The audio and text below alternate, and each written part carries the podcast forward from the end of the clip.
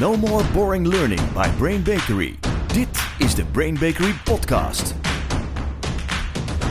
Hallo allemaal, mijn naam is Jan-Peter en ik ben hier met mijn collega Sjane Hallo allemaal. en met Jordi. Hi. Hi, fijn dat jullie er zijn.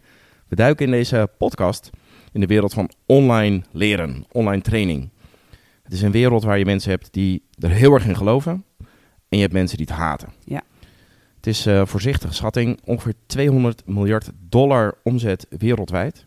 In Nederland kennen we platforms zoals Good Habits, Online Academy, StudyTube, die er heel succesvol mee zijn. We kennen ook 70-20-10 en we duiken in al deze onderwerpen.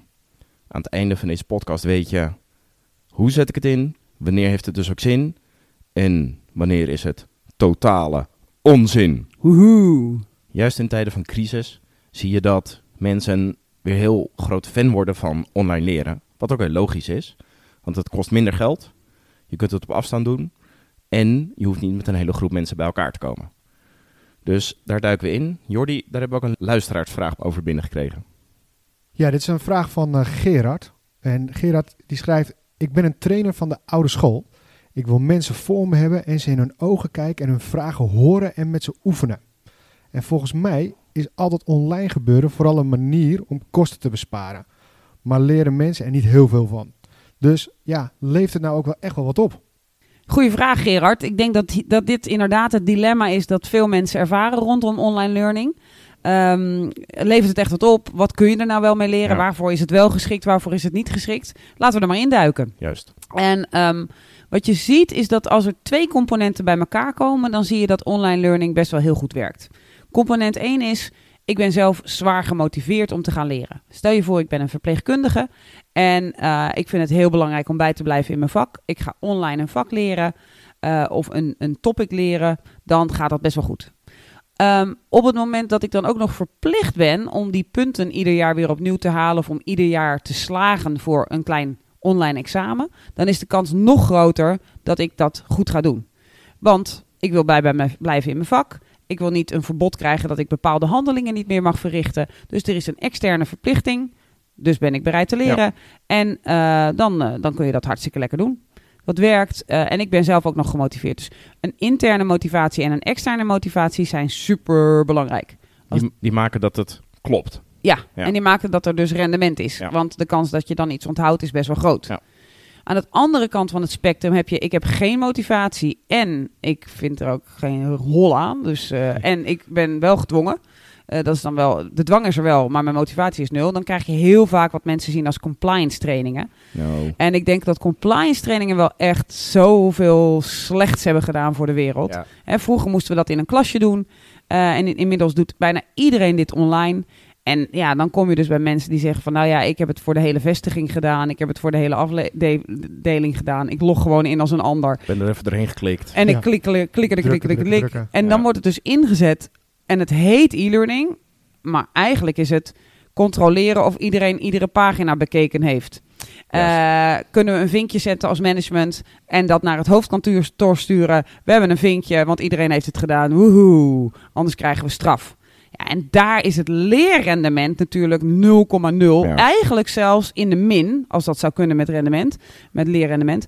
Want eigenlijk zeg je, ik geef je een e-learning, wat het niet is, want het is een controlemechanisme. En dan vervolgens staat iedereen daar dwars doorheen. En dan is de associatie die mensen vervolgens hebben met learning en e-learning... is dus, gadverdamme, daar moet ik doorheen klikken. honderd keer op een knop, omdat ze dat willen voor het hoofdkantoor. Mijn manager gelooft er ook niet in, want die weet dat ik stiekem eh, het voor iedereen zit te doen. Ja, en dan verpest je natuurlijk e-learning voor iedereen. Zo ontstaat boring learning. Zo ontstaat Ja. totaal boring learning. Ja. En het is niet eens learning, Nee. het is eigenlijk... Ja, het is crap gewoon. Ja. Ik weet nog wel dat ik een keer bij een ehm, klant naar binnen liep in het hoofdkantoor. En daar waren ze erg van de veiligheid. Dus elke gast die daar naar binnen kwam, die moest op een tablet een hele korte compliance e-learning maken over hoe je veilig door het gebouw moest eh, bewegen. Juist. Maar ja, als je voor een afspraak komt en je hebt nog vijf minuten, Ja. ga je niet zo'n hele e-learning. Dus ik zat er een beetje doorheen te klikken en toen keek de receptionist aan die zei, ja, dat snap ik, dat doet iedereen.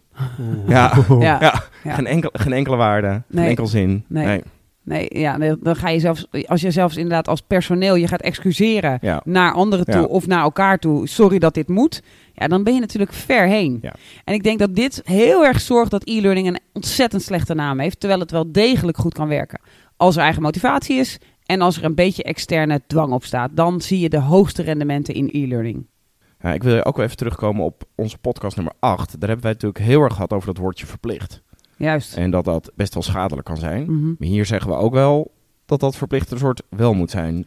Dus ik kan me voorstellen dat onze luisteraars nu denken, wat is het nou? Ja, Wel of niet? Ja, ja het, het, het, als je terugredeneert naar transferregels, hè, van hoe krijg ik dat iemand iets in een i-omgeving leert en dat hij het vervolgens toepast op zijn werk, dan zie je dat je als eerste die hoge motivatie wilt hebben, wat we in de vorige podcast hebben besproken.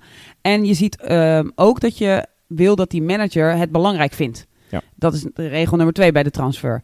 Dus, dus er moet een belang aan gehecht worden. Dus was- waar je ziet dat het verplicht is om je punten te mogen halen. Want dan heb je de punten. En als je de punten hebt, dan mag je je handelingen blijven doen. Zoals bij en de verpleegkundige. voor, zoals Ja. bij de verpleegkundige, dan werkt het wel. Is het alleen maar verplichting zonder leerwaarde, zonder je eigen motivatie, zonder dat je manager het belangrijk vindt, ja, dan, dan werkt verplichting altijd tegen je. Ja. Dus een, een klein beetje verplichting in de zin van om je vakpunten te behouden, daar werkt het wel op. En dan zie je ook dat bijvoorbeeld bij oefenen op een examen, dan weet je dat examen komt eraan, er zit dus ook externe druk op. Dan helpt zo'n e-learning best wel veel, want je doet het ergens voor. Wat je eh, heel erg hebt volgens mij ook bij je theorie-examen voor als je je rijbewijs wilt halen. Juist. Is natuurlijk heel helemaal online nu. Ja. Ja, dat gaat iedereen, doet dat. En Ja. dat heeft heel veel nut en waarde. Ja, en alle oefeningen die je daar online voor doet, die, die leveren ook veel op. Want je bent ergens naartoe aan het werken. Als dat ergens naartoe er niet is, je doet het gewoon een beetje voor de leuk. moet, Of, ja, Omdat het moet. Ja. eh, ja, of, of er is niks. Hè? Nee. Dus als je, als je denkt van nou, ik vind het wel een interessant onderwerp, ik, ik scroll er een beetje doorheen. Dan zie je dat het wat minder is. En als je alleen maar moet Ja. en verder heb je er geen baat bij, want je krijgt er niet een rijbewijs voor, maar een compliance vinkje. Ja. Eh, hè, dus datgene wat het, wat het oplevert, als Ja. dat heel laag is, ja, dan zie je dat het minder effect heeft. Voordat we zo naar de brainsnack gaan, waarin we nog een handige tool uitleggen. En natuurlijk in 70-20-10 eh, duiken. Eerst nog, we hebben het nu gehad over de combinatie dat er en druk is en mensen willen. Maar kan het ook werken als die druk er niet is? Is het rendabel als mensen alleen maar willen? Juist. Is mijn eigen motivatie genoeg? Dat is eigenlijk mijn vraag. Ja. ja. Ja, dat zie je ook. Hè? Als, als eigen motivatie enorm hoog is. Hè, stel je voor, je bent trainer, de coronacrisis komt eraan. Oeh. Je hele agenda wordt leeggeswiped. En eh, je hebt ineens geen inkomen meer. Ja. En je denkt, oké, ik wil nu heel graag leren hoe ik online toch iets kan doen voor mijn mensen. Kan ik online mensen coachen? Kan ik eh, webinars gaan geven? Dan zie je dat je motivatie heel hoog is en dat je heel vindingrijk wordt. En dat mensen heel snel filmpjes vinden. Ook kan ik via Zoom, kan ik via eh, Google Hangouts, wat kan ik daarmee doen? En dan zie je dat het leren rendement heel hoog is. Daar heb je eigenlijk geen e-learning van nodig, want dat kun je gewoon googlen. Ja. Ja, want laten we wel wezen, eh, Google is natuurlijk de grootste e-learning op aarde. Je typt iets in, je denkt ik wil iets weten, je zoekt het op. Dat is al e-learning. Juist. Alleen, dat is niet een van tevoren geprogrammeerde e-learning. Ja, maar ja, wanneer pak je nou Google en wanneer ga je dan eh, in de e-learning duiken?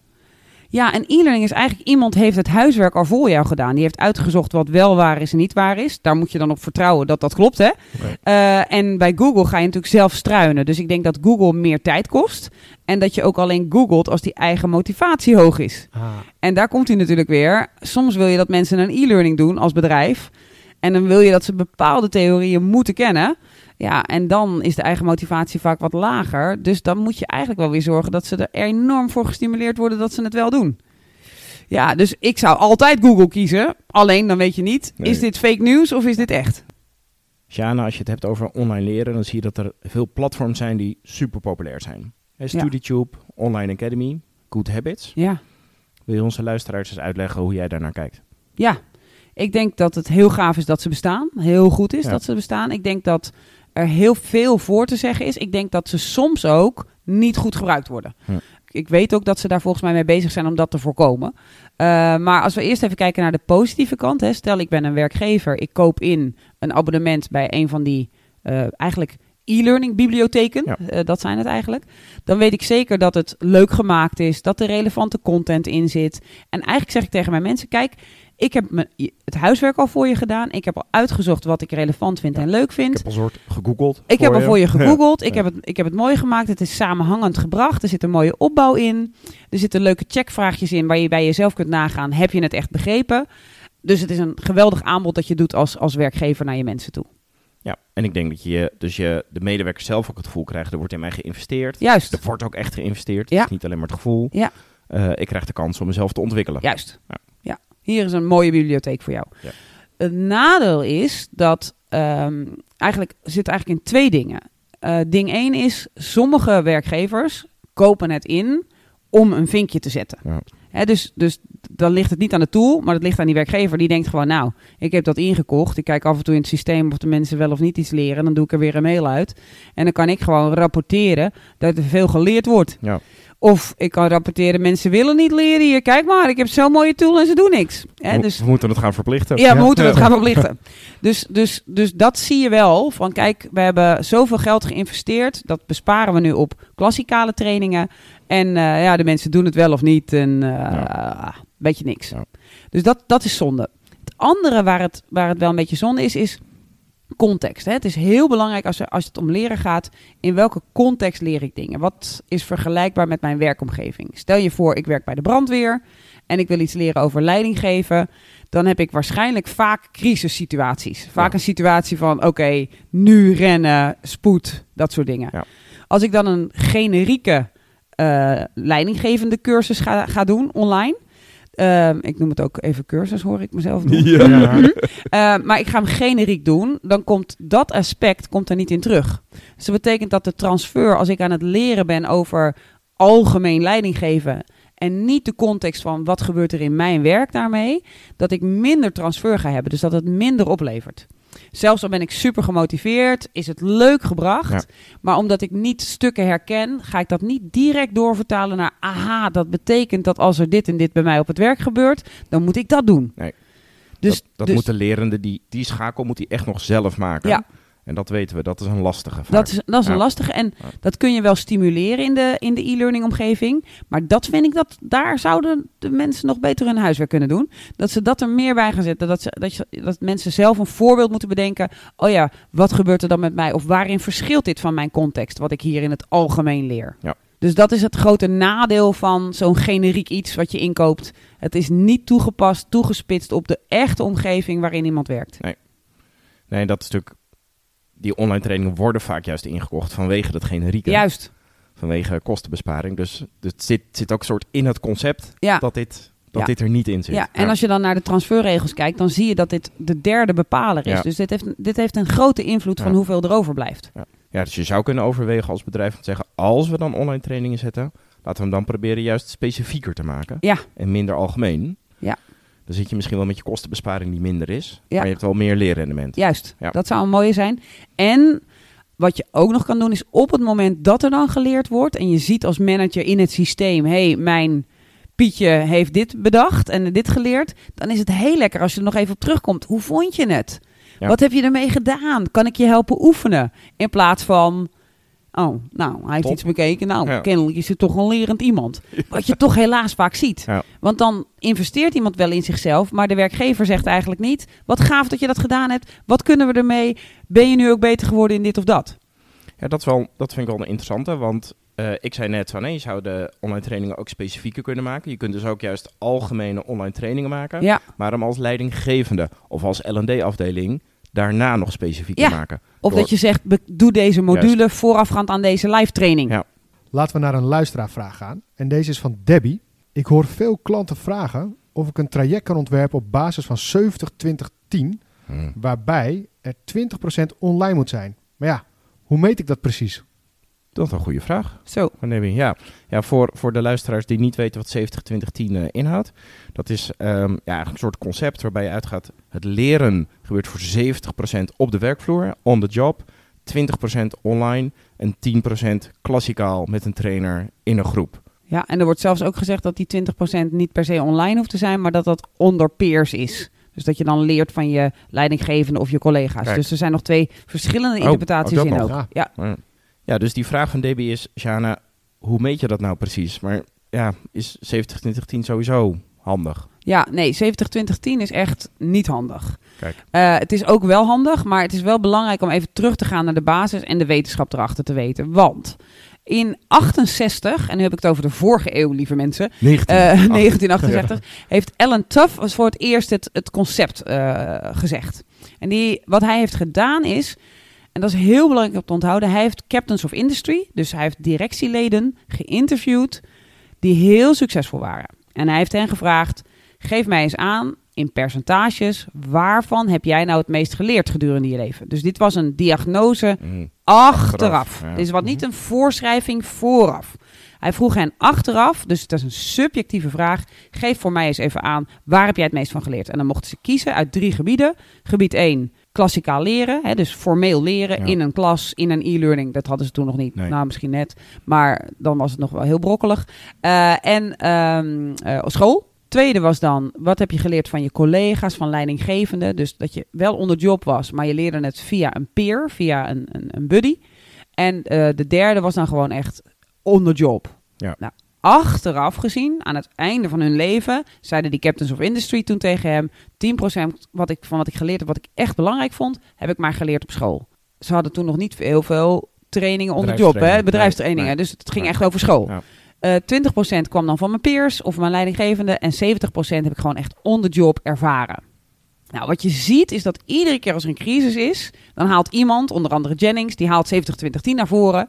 En die zegt, woehoe, we moeten We veel weer, meer, we ja. gaan weer, we moeten echt, we moeten weg van die, die klassikale training, die 10% mag maar 10% zijn. Dus als we 100.000 euro budget hebben, dan mag er maar 10.000 naar klassikaal trainen en de rest moet naar het stimuleren van on the job leren.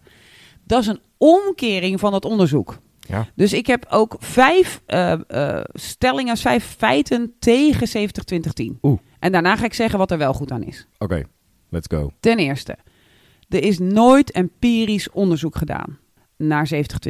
Dus dit was een vragenlijst aan het einde subjectief van hun leven.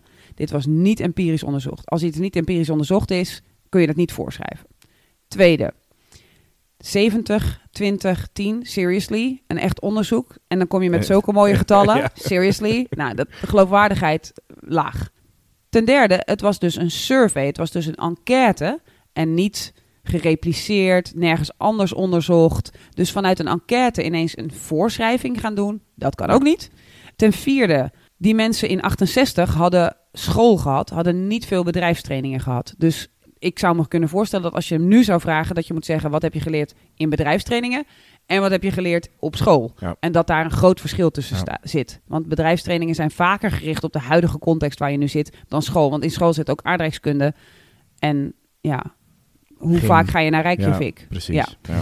En als laatste, je kan dus niet zeggen eh, dat je met 70-20-10 iets kunt voorschrijven over hoe leren moet werken. Eigenlijk kun je alleen achteraf concluderen dat het zo werkt. Dus ik denk ook dat het zo is dat als ik een bedrijfstraining heb gevolgd, klassikaal of e-learning, dat in het toepassen op de werkvloer, dat dan de echte kwartjes nog een keer gaan vallen. Dan gaat het beklijven. Dus daar snap ik van dat zelfs al heb je een tweedaagse training, dat groot deel van het echte leren daarna, het echt concluderen, als je goede training hebt gegeven tenminste, dan is er hoge transfer. Ja. Dan gebeurt er misschien wel 70% op de werkvloer. Dus, dus het antwoord op de vraag van Debbie is... je moet helemaal niet op deze manier naar 70-20-10 kijken. Dat is de basis. Ja, Ja, ja. Dus, dus, en je mag denk ik ook aan deze opdrachtgever die deze vraag stelt, Ja. dit even uitleggen of gewoon deze podcast even doorsturen. ja, mag Ja. zeker. Vooral die- Maar er is ook echt wel iets voor 70-20-10 te zeggen. Hè? Er is wel echt iets te zeggen voor, oké, we willen eigenlijk zo min mogelijk klassica gaan trainen. Dus mensen van die werkvloer Ja. afhalen. We willen het liefst dat ze tijdens de lunch een webinar doen, zodat ze het na de lunch gelijk kunnen toepassen. We willen dat ze korte trainingsmomentjes hebben, misschien even off the job, maar misschien ook wel via microlearning on the job. Hoe dichter werk en leren bij elkaar zitten, hoe waarschijnlijker het is dat het rendabel is. Dus er is zeker iets te zeggen voor. Je moet niet willen dat ze uren, Nee, weken, de maanden, dagen ja. van, de, van de werkvloer af zijn. Hoe dichter je werk bij, of leren bij de werkvloer kunt brengen, hoe waarschijnlijker het is dat het rendement heeft. Wat we tot nu toe geleerd hebben is dus dat online leren goed kan werken bij een hoge eigen motivatie van de deelnemer, bij een goede stimulering vanuit het platform, de training zelf of je leidinggevende. Ja. En het liefst dat de online training echt in de context van de lerende gezet wordt. Ja. Het liefst in de training, Maar anders eventueel ervoor en daarna door de trainer of de leidinggevende. Juist. Dan vind ik nog wel een interessante. Kun je ook vaardigheden leren via online training? Of, of beperkt zich dat tot kennis? Dat is natuurlijk de grote Ja. kritiek op online leren. Je kunt helemaal geen vaardigheden leren. Nee hè? Want als je kijkt naar de cyclus van Kolp, hè, eh, dan heb je de fase dat je gaat reflecteren, je gaat een theorie tot je nemen. Dat kun je prima doen online. Maar het experimenteren met het nieuwe gedrag en Ja. ook het gedrag echt toetsen aan de praktijk en echt toepassen en ook echt op je bek gaan en daarvan leren, dat gaat natuurlijk helemaal niet online. Je nee. bent gewoon aan het kijken, aan het consumeren. En je kunt wel zien hoe een ander de vaardigheid doet. Dus, hè, dus stel je voor, je moet een injectie gaan leren geven. Dan kun je zien, je moet hem zo op de huid zetten. Of je moet hem zo doen, of je moet dit. En zo maak je het schoon. Maar als je het zelf dan nog nooit gedaan hebt, dan kun je heel goed de vaardigheid kennen. Je kunt hem misschien wel goed uitleggen, maar je hebt hem nog nooit gedaan. Dus de zenuwen dat je een naald in iemands lijf gaat drukken, die heb je niet gevoeld tijdens een e-learning of een online learning. Dus dat is de grootste kritiek erop. Mensen denken, ik heb zelfs gezien dat er sommige bedrijven die hebben een, ehm, een hospitality online training. Oeh. Ja, dan ben je natuurlijk niet aan het, mensen aan het leren om met hun hart te werken. Dan ben je mensen aan het leren, je moet dit zeggen, Ja. je moet dat zeggen, je moet dat zeggen. Maar dan kunnen ze dat nog niet op een leuke manier toepassen. En ik denk dat we in de horeca dat allemaal wel hebben meegemaakt. Dat mensen bij je komen en ze zeggen precies de juiste dingen. Maar je denkt echt, ja, we hebben helemaal geen contact. Ik had dat laatst nog. Ja, Dat, is, dat is gewoon pijnlijk. Ja. Dus, dus dat is natuurlijk de allergrootste kritiek op online leren. Je kunt niet oefenen. Je Kijk. kunt het niet je eigen maken in vaardigheden. Mindset kun je een beetje oefenen, eh, kun je iets van leren. Je kunt kennis tot je nemen, maar je kunt het niet toepassen. Duidelijk. Tenzij, sorry, ik moet één correctie maken. Sorry, ik zag Oh. dat jij wilde gaan samenvatten. Ja. Tenzij ik iets leer wat over online gaat. Dan kan ik het natuurlijk ter plekke doen. Hè? Maar zodra het over gedrag gaat, Ja. over communiceren, hoe breng ik ja. er slecht nieuws, Ja. dat kan allemaal niet. Ja, oké, dus geen vaardigheden, wel kennis. En wat we dan heel veel zien, is dat er natuurlijk ook heel veel getoetst wordt. Juist. Of er vragen gesteld. Of Ja. het nou een formele toets is of tussendoor opdrachten. En wat je daar heel vaak ziet is, er wordt een vraag gesteld, dan wordt er gezegd goed of fout.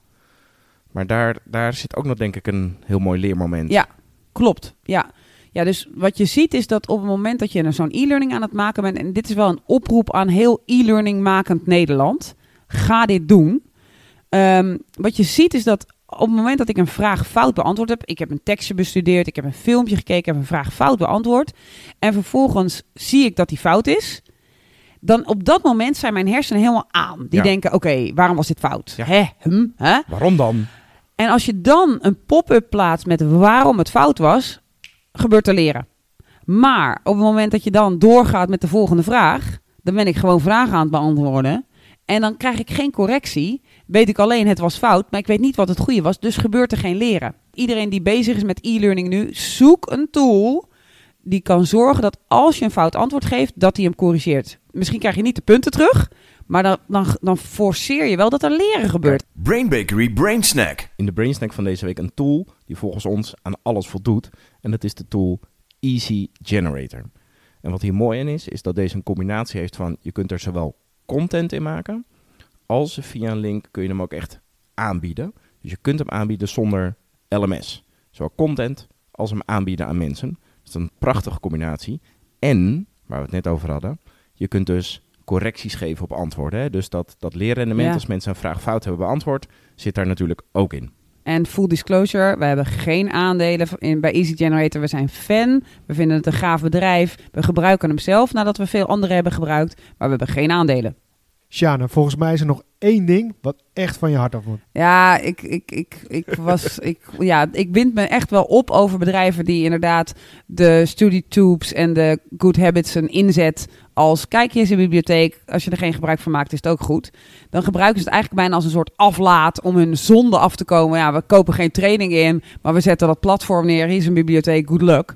Dus aan, aan alle bedrijven die, die misschien bruut eerlijk durven zijn over zichzelf, dat ze hem te vaak zo inzetten, bel nou je leverancier en ga met ze in gesprek over hoe kunnen we zorgen dat mensen er ook echt rendement aan halen en dat het echt gaaf werkt. Ja, dit is dus de waarheid over online leren. Niet voor vaardigheden, wel voor kennis. En daarmee komen we aan het einde van deze podcast. Jordi, dankjewel. Graag gedaan. Shana, dankjewel. Het was weer heerlijk. En voor alle luisteraars heel graag tot de volgende keer. No more boring learning. Dit was de Brain Bakery podcast. Wil je meer weten? Kijk dan op brainbakery.com of volg ons op onze socials.